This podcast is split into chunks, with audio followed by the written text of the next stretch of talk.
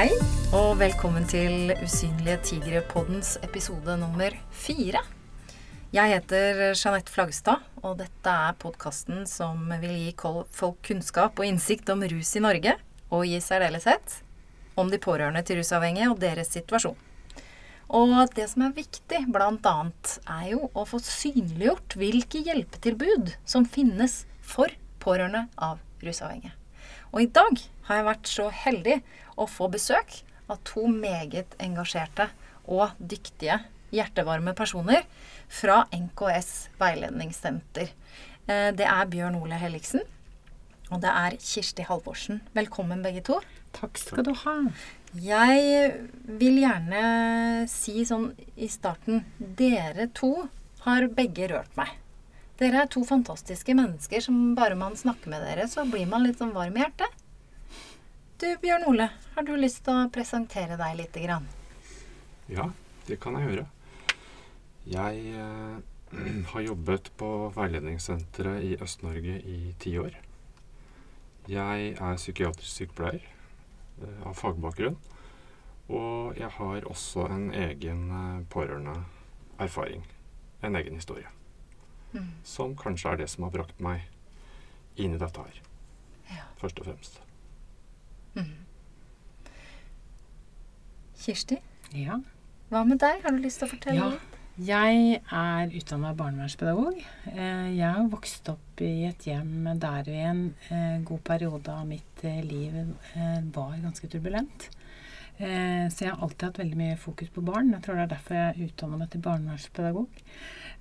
Så begynte jeg å jobbe i rusfeltet, så jeg har hatt videreutdanning i rusavhengighet. Jeg har også en videreutdanning i kognitiv terapi og noe pedagogikk. Og jobba innenfor feltet, rusfeltet i mange år, både poliklinisk og i behandlingsapparatet. Og har jobba på veiledningssenteret to år tidligere i et prosjekt. Og så begynte jeg nå igjen for ca. et år siden. Der ble ledig stilling. Og Bjørn Ole ringte til meg og sa har du lyst til å søke hos oss igjen. Og det gjorde jeg, og jeg fikk jobben, og det er jeg kjempeglad for. Så nå har vi jobba ett år i går. Og det er så fint. Det trives jeg med. Det er så godt å høre. Mm, mm. Eh, rent eh, Altså navnet. NKS veiledningssenter. Mm. Oi, oi, oi. Det var ikke lett å skjønne at eh, Kom hit for å få hjelp. Altså dere, alle dere pårørende til rusavhengige. Kom til oss. Men hvem, hvem er NKS veiledningssenter, da? NKS står for Norske kvinners sanitetsforening. Mm. Som eier virksomheten. Og som har et eierstyre. Mm.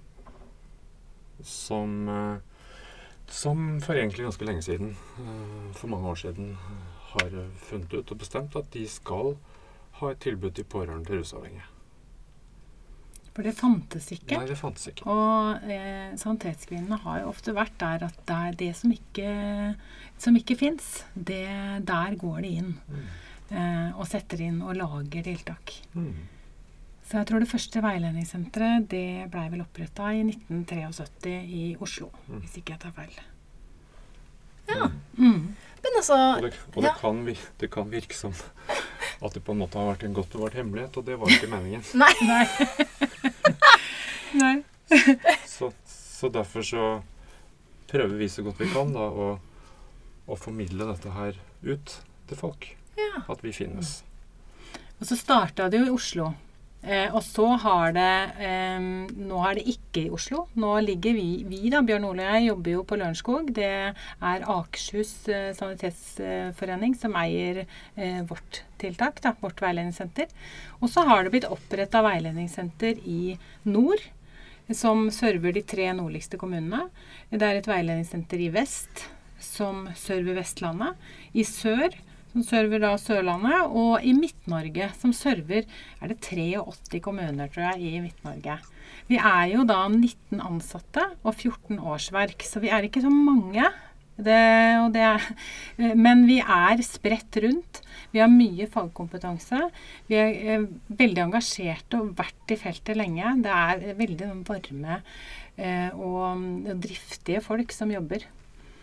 Eh, rundt. Så jeg tenker at bor du i, Nord-Norge et eller annet sted, ta kontakt med veiledningssenteret i nord. Da kan de gi informasjon om Ok, de er kanskje ikke ute i alle bygder, men da får man i hvert fall en oversikt over hva fins der oppe. Hvem kan jeg snakke med? Hvor får jeg kontakt? Og det er også mulig å ringe på telefon. Liksom, få telefonkonsultasjoner. Bor du i vest, og de snakker også med de i Stavanger, og så snakker de med de i Bergen. Så du må på en måte ta kontakt eh, og, og spørre om, eh, om hjelp da, til å finne fram i dette som Bjørn Ole sier, disse godt bevarte hemmelighetene. og det er mange fine tiltak som fins. Og vi veit jo en del om det, mm. vi. Så vi kan ja, fordi, informere videre. Ja, og jeg hadde jo I den aller første podkasten så hadde jeg jo han som er leder for fagrådet for rusfeltet her, eh, Jan Gunnar. Og da eh, sier jo han det at eh, det som overrasker han etter 25 år i feltet, det er at pårørende fremdeles ikke vet hva de skal gjøre når eh, de skjønner at de har rusproblemer i familien. Hva tenker du om det, Bjørn Ole? Ja, det syns jeg ikke er bra. Um, og uh, jeg vet ikke helt uh, hvorfor det er sånn. Uh, det er jo sånn at for å finne oss, så må man kanskje søke på nettet og google rus pårørende eller et eller annet sånt. Um, da skal vi komme opp. og så vet jeg at vi ligger på helsenorge.no portalen. Det er ikke så lenge siden den kom opp. Det er noen år siden. Mm. Um, så, men det er kanskje sånn at uh, det offentlige uh, De offentlige helsetjenestene all over ikke nødvendigvis kjenner til oss, da. Siden vi er en slags privat aktør. Ja. Hva betyr det? En slags privat Nei, en aktør? Slags, at det er på en måte Vi er jo ikke under offentlige tjenester. Det er, som, det er, jo som vi sa, Norsk Norsk kvinnesanitettsforening som, eh, som, eier oss. Mm. Sånn at vi er ikke i linje med uh, annen helsetjeneste. Vi er jo heller ikke noen helsetjeneste, vi er jo en rådgivningstjeneste. Mm. Så Men vi gjør så godt vi kan. Mm. Og jeg syns at det har hjulpet veldig uh, i, i de siste fem årene. Med at stadig vi hører at folk som tar kontakt med oss, har snakket med Nå snakker jeg i Oslo omegn, eh, Oslo og Akershus-området. At folk har snakket med fastlegen sin, blitt eh, anbefalt å ta kontakt med oss, har snakket, vært i kontakt med DPS-er, blitt anbefalt å ta kontakt med oss. Også rustjenester i kommunene har uh, kjennskap til oss. Hva er DPS for de som ikke vet hva det er? DPS står for distriktspsykiatrisk senter. Og er en, en eh, poliklin, altså en, eh, en poliklinikk. Hva er poliklinikk? Jeg spør om alt, Det er et dagtilbud. Det er der du kommer og får en avtale i uka. Det er ikke innleggelse. Det er ikke sengepost. Du har forskjell på hva som er poliklinikk. Der kommer du til avtaler, og så går du hjem, og så kommer du om en uke igjen. Altså sengeposter, da får du en innleggelse og blir lagt i seng og, og er i behandling på den måten. Ok. okay. Mm. Og DPS-ene, det er jo de som har din psykisk, altså psykisk helse. Og så har du det som heter TSB, som er tverrfaglig spesialisert rusbehandling. Som er eh, spesialisthelsetjenesten, altså de du blir henvist til fra fastlegen eller fra Nav sosial eh, for å få et tilbud om rusbehandling. Så dette dreier seg om de rusavhengige, altså, egentlig. Når det dreier seg om behandling. TSB, mm. så er det behandling av rusavhengige. Mm. Og de skal også ha et tilbud til pårørende. Du kan ah. også henvises fra fastlegen til eh, pårørendebehandling innenfor rusfeltet oh. i sykehuset. Det er viktig å vite. Ja. DPS, er det i alle kommuner? Eller skal være i alle kommuner? Ja. ja. Det skal være i alle kommuner. Ja. Ok. Er det også via fastlegen man eventuelt ja. henvises der? Ja. Ok. Det er psykiatrisk behandling. Det er psykiatrisk behandling. Ok. Ja. Eh, fordi det er jo en del det er jo akkurat dette her. At f hvor starter En ting er den rusavhengige, altså som trenger behandling. Vi vil jo gjerne hjelpe dem òg. Og når vi først da innser at vi faktisk trenger hjelp sjøl, hva gjør vi da? Ja, da går vi til fastlegen, da, altså. Ja. Rett og Jeg tror at fastlegen og Nav er de to offentlige instansene, eller de som alle på en måte flest kommer i kontakt med. Jeg tror det er der man trenger i hvert fall å gjøre en, et stunt. Det er der de fleste de oppsøker hvis de får et problem, da. Så er de sannsynligvis innom der. Mm. Men da må du ha henvisning. Ja. Altså for å søke hjelp i spesialisthelsetjenesten, Ja. som disse tingene er, Mm. som pårørende også, så må du ha henvisning fra fastlegen din. ja. Så til forskjell eh, fra det, så eh, er jo ikke vi en del av det. Nei. Eh, for vi er jo et såkalt lavterskeltilbud. Nettopp. Og det betyr at rett og slett at det er, skal være lav terskel for å komme, eller for å, for å kunne ta kontakt. Mm. Sånn at det er egentlig bare å ringe oss, eller skrive en, eh, sende en mail, eller gå på Facebook og, og sende melding via det. Og vi svarer Uh, Vi er veldig um, opptatt av å være kjapt, uh, svare kjapt tilbake. Mm. Uh, for vi tenker at Altså, det å være tilgjengelig Ja. Det å få svar Ja. omtrent med en gang tenker vi er superviktig når Mm. noen først har tatt, tatt initiativet til å ta kontakt. Mm. Sånn at lavterskel er jo eh, lettere å få kontakt, altså lettere eh, tilgjengelighet. Eh, Mm. Og så uh, er det sånn man trenger ikke henvisning. Det holder å ta direkte kontakt med oss Mm. og få gjort en avtale. Mm. Eller tatt en prat på telefonen. Ja, for hvordan ser det ut Mm. i praksis? For jeg vet For nå sitter jeg og er en av de som på en måte blir kontakta nå fordi at eh, Usynlige tigre uh, har jo sin offentlige Facebook-side. Mm. Mm. Eh, vi er tre stykker som er administratorer på siden, og vi blir kontaktet. Og nå har jo jeg jobba litt med ulike prosjekter i dette feltet her, så jeg blir kontakta av flere. Jeg har akkurat kobla to stykker på ulike kanter av Norge, men de står i samme problematikk. Og hun ene syntes det var fryktelig vanskelig, og var veldig usikker på om hun turte. For hun har aldri snakket med noen om dette her. Så det å tørre å ta opp telefonen i det hele tatt og adressere seg selv og si 'jeg tror jeg trenger hjelp', det krever nok litt mot, tror jeg, for mange. Så hva skjer egentlig da, helt sånn rent praktisk, hvis noen tar opp telefonen og ringer nummeret til dere eh, på NKS veiledningssenter Øst? Hva skjer da? Da eh, tenker vi, akkurat som du sier, at eh, folk som ringer til oss, ofte har- det har kosta mye å ringe. Eh, de vil da møte Bjørn Ole eller meg på telefonen. Eh, og så vil vi høre litt hva de står i, og så vil vi ganske kjapt si eh, har du mulighet til å komme til en samtale hos oss. For det er eh, det å, å oppnå eh, direkte kontakt og bli en støttespiller og få en relasjon, se ansiktene til være en del av, det gjør ofte mye eh, med folk. Så sier vi 'Har du mulighet til å komme på fredag?' Og så sier de 'Oi, kan jeg komme så fort?' eller 'Kan du komme i morgen?' Eller 'Ja, det kan Ja'. Og så avtaler vi tid, og så får de adresse og kontaktinformasjon. Og så kommer de til oss. Så ringer de på døra, og så sier vi hei. Hjertelig velkommen til oss. Og så får de en kopp kaffe, og så setter vi oss ned i sofaen og prater og hører litt hvordan ser din historie ut. Hva er det du tenker at du trenger støtte og hjelp til? Og, her, og vi veit jo om altså, De er helt sikre på Når de kommer til oss, så møter de eh, en av oss, og vi veit hva dette handler om. Mm. Ikke sant? Og så tenker jeg at det er viktig å, å si at den, den det gjelder, den som tar kontakt, bestemmer jo selv helt hva vedkommende vil snakke om. Ja. Mm. ja. Det, det tenker jeg er viktig. Mm. Veldig. At det er ikke vi som bestemmer noen ting. Det er den som kommer. Mm. Og så henger vi oss med på det. Mm. Mm. Hvem kommer til dere? Mm. Hvem?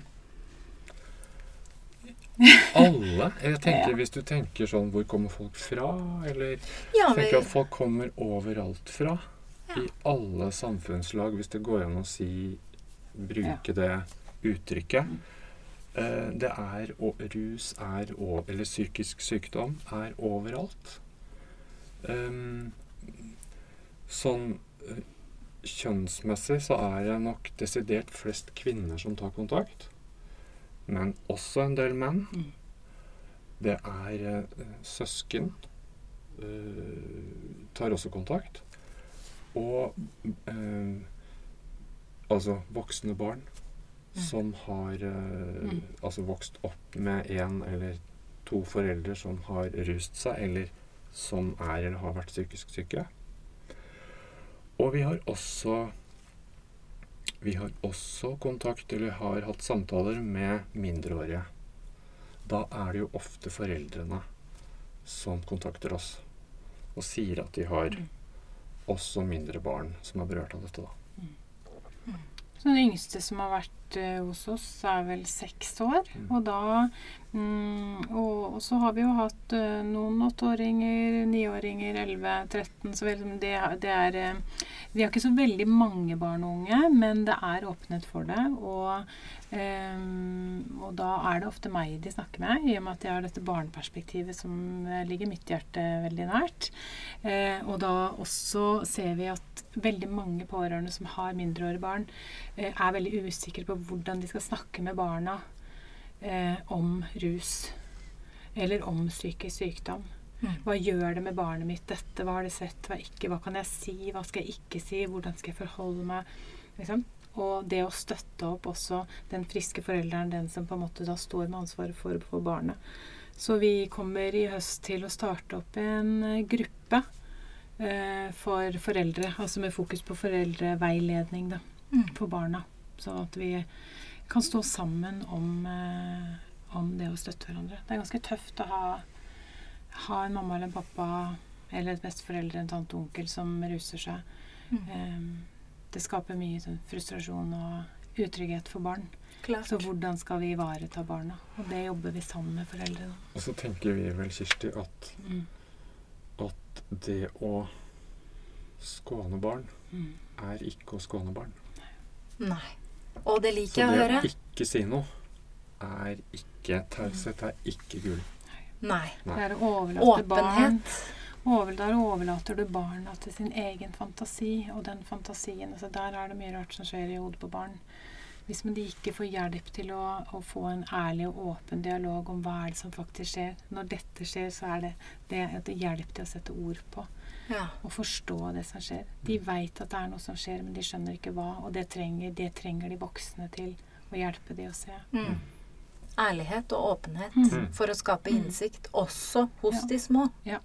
Og trygghet. For Og det de ikke forstår, og er det de ikke skjønner, at ting bare skjer uten at de har noe oversikt over hva det handler om, det skaper utrygghet.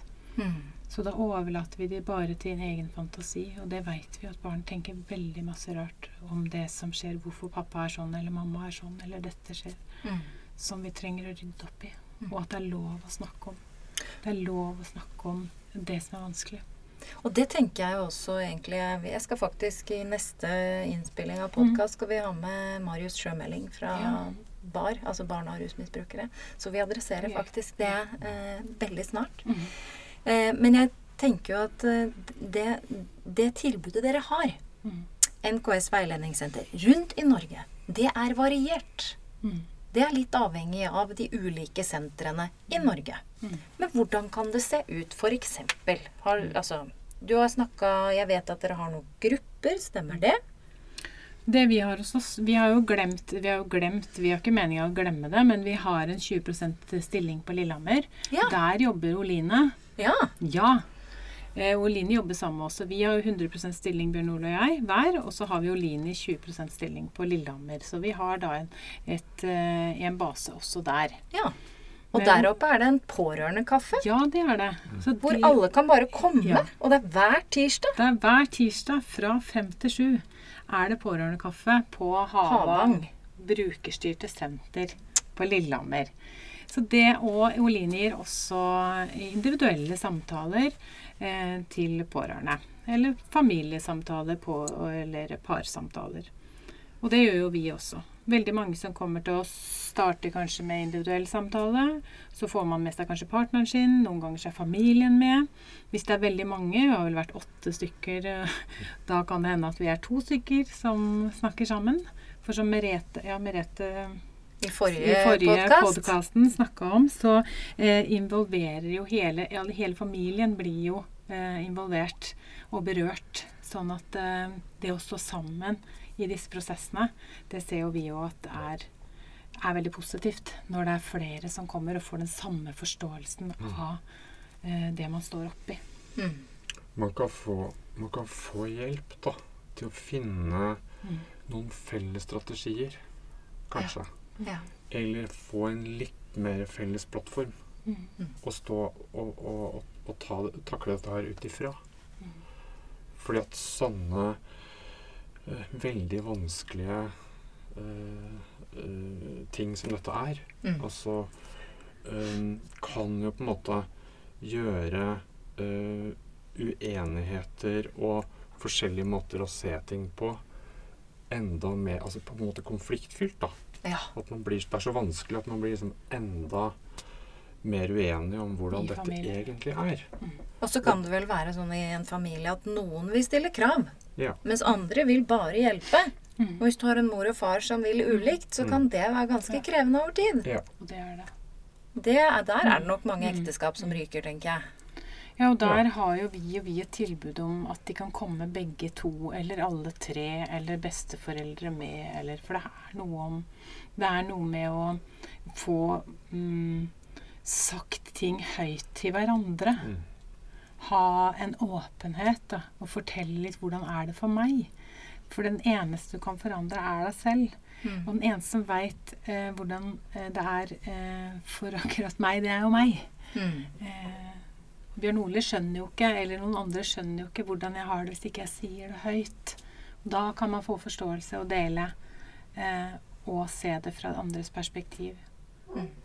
Og det blir ofte litt sånn trøblete når det er en i familien som tar mye fokus. Mm. Den som har, liksom, er definert som å ha problemet. Mm. Så det å få hjelp til å rydde litt og sortere litt i det, Mm. lytte til hverandre ja. Og det blir på Altså, jeg tenker at det blir Kan bli liksom litt klarere oppi hodet Mm.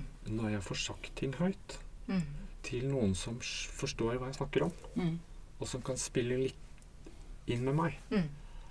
så kan jeg liksom egentlig sortere ut mye selv og være en god snekker selv, da. For hva jeg skal Ofte så tenker jeg at pårørende har så mye erfaring og vet egentlig um, mye om hva som er riktig, eller hva de ikke bør og bør. Men de trenger så veldig noen å, å, å snakke um, med om det. Mm. Sånn at eh, når man har gjort det, så er i hvert fall min erfaring at det, er, det, det blir på en måte litt klarere Ja. Mm. oppi hodene til folk. ja, fordi som vi snakka om i forrige episode, så er jo pårørende i en prosess. Mm. Mm. En ting er at den rusavhengige er i en prosess, men det er på, de pårørende er jo også i en prosess, kan du si. Um, hvor, hvor man Handlingsrommet i de ulike stegene eller delene av prosessen kan fremstå som ulike. da. At man i starten tenker at har, det eneste jeg kan gjøre, er jo å ringe og hjelpe eller prøve å kontrollere eller prøve å liksom sjekke og nå må jeg gjøre ditt og datt og regler og alt. Og, der her. og så underveis så skjønner du kanskje nei, det hjelper jo ingenting hva jeg gjør. Men hva gjør jeg da? Mm. Ikke sant? Handlingsrommet. Er det det dere altså Hjelper dere med å på en måte snakke Eller altså, med deres erfaring Har du lyst til å fortelle en, Gi et eksempel på en episode du er glad for at du har fått vært med å oppleve? Eller en som har kommet til dere som, hvor, det, hvor det skjedde noe bra? Ja, det, det, er, det er egentlig mange Mye erfaring med det, altså. Men jeg ikke helt kommer på en akkurat én spesiell uh, historie, så, så tenker jeg at det å, det å komme Det å komme med den litt som du sa nå, Jeanette, at uh, når, jeg, når, det ikke hjelper å gjøre, for å, å, å, holde på med å løpe etter og, og kjøre kjempegod service, hva gjør jeg da? Mm.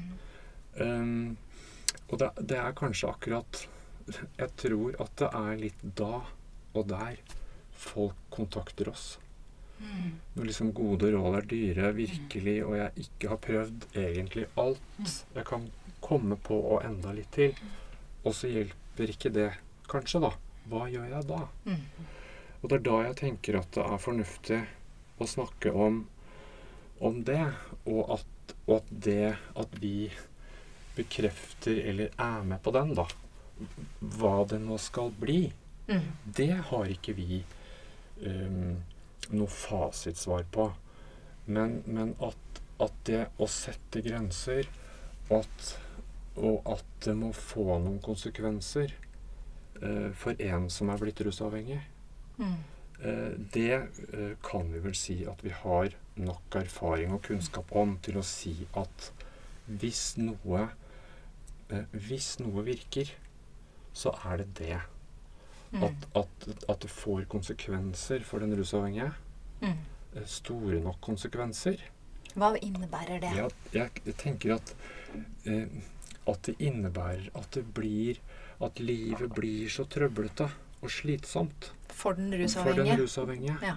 At man ikke at, serviserer og ordner ja, og styrer og, og gjør alt. At den egentlig er litt, eh, er litt Kommer litt på den banehalvdelen eh, om at jeg tenker at jeg kanskje må ha hjelp jeg, jeg, er i nærheten av å begynne å tenke at dette, dette Jeg kan ikke ha det sånn. At den rusavhengige kommer dit. At den rusavhengige kommer dit. Mm. Og innser at dette er, dette er for mm. slitsomt. Dette koster for mye. Mm. Og så øh, Men da har en jo ofte øh, antagelig blitt stående eller stående alene på en måte da med problemet sitt. Mm. Og kaoset som det medfører. Mm. Og ikke har hatt um, så mange som har uh, kjørt service, eller mm. vært villige til å hjelpe til. Mm. For dette jo av litt etter hvert. Ja. Og det, jeg skulle bare tilføye at det å få bekreftelse på at det er ok mm. mm. Det er på en måte at eh, Ja, nå orker jeg ikke mer. Mm. Men Og det er greit. Ja. Ikke sant? Og det er kanskje til og med mm. ganske lurt. Ja. Og mange jo, stiller jo nettopp det ja. spørsmålet ja. hvis de har kommet dit og presenterer på en måte litt den tenkningen og sier er jeg helt ja. på jordet nå? Mm, mm, som mm. kan tenke sånn mm. om min egen sønn eller datter, mm. eller hvem det nå er, da, mm. som står deg nær. Og det være en grusom person som ikke nå Ikke sant? Ja, for det er jo et ord som, som, dukker opp sånn hvis man går inn i materien. Som virkelig begynner å dykke ned. Sånn som jeg gjorde på et tidspunkt. Da slutta jobben og skulle jobbe sammen med broren min og foredragsturné og alt. Da måtte jeg jo lære meg dette her. Plutselig var det noen som snakka om Du vet du hva medavhengig er, Jeanette? Mm. Og det er jo en sånn det er, det, er det kanskje litt det vi snakker om? At jeg er da Eller de bare at vi tilpasser livene våre. At vi skal bare fikse den jobben, eller vi skal bare fikse den legetimen eller den behandlinga. Vi skal bare fikse den leiligheten. Vi skal bare fikse de vennene, så vedkommende har noen å henge med. Vi skal bare fikse den ferien. Og vi skal bare fikse det vanlige livet, da. Så hvis vi legger til rette for alt mulig rart, da går det bra. Men så dukker det jo bare opp en ny magisk ting som man leter etter hele tiden. Hele tiden. Det var jo litt slitsomt. I den prosessen så endrer også pårørende seg. Så går pårørende også fra på en måte hva som var normalt på et tidspunkt, til noe som var, er, blir ganske crazy. Så sier de Åssen havna jeg her? Hva mm. er det som har skjedd? Mm. Og den med medavhengighet Jeg vil snakke om, jeg er ikke så veldig fan av det ordet, men det det på en måte vel kanskje handler om, er jo at man blir litt avhengig av å hjelpe for å kjenne at du i hvert fall har gjort noe. Ja, for jeg kjente jo at det ordet var veldig rart. Jeg synes, nei, Men det er jo ikke, jeg er jo ikke avhengig, jeg. Men jeg, jeg, ser jo hva Når jeg leste om hva det betydde, så tenkte jeg Ouch. Oi da. Ja, det har jeg gjort. Ja, check. Det har jeg gjort. Check. Det har jeg gjort. Å, søren. Det òg. Jeg er visst en sånn hjelper. Er det det jeg driver med? Kanskje det går an å si det sånn, da. At, mm. at det å ikke tørre eller være villig til å la den rusavhengige ta konsekvensene av sine egne handlinger. Mm. um, bli litt sånn at at uh, da kan jeg jo ikke slippe taket. Eller da kan jeg jo egentlig aldri få fred, jeg heller. Mm. Fordi at det dukker jo opp ting hele tiden Mm.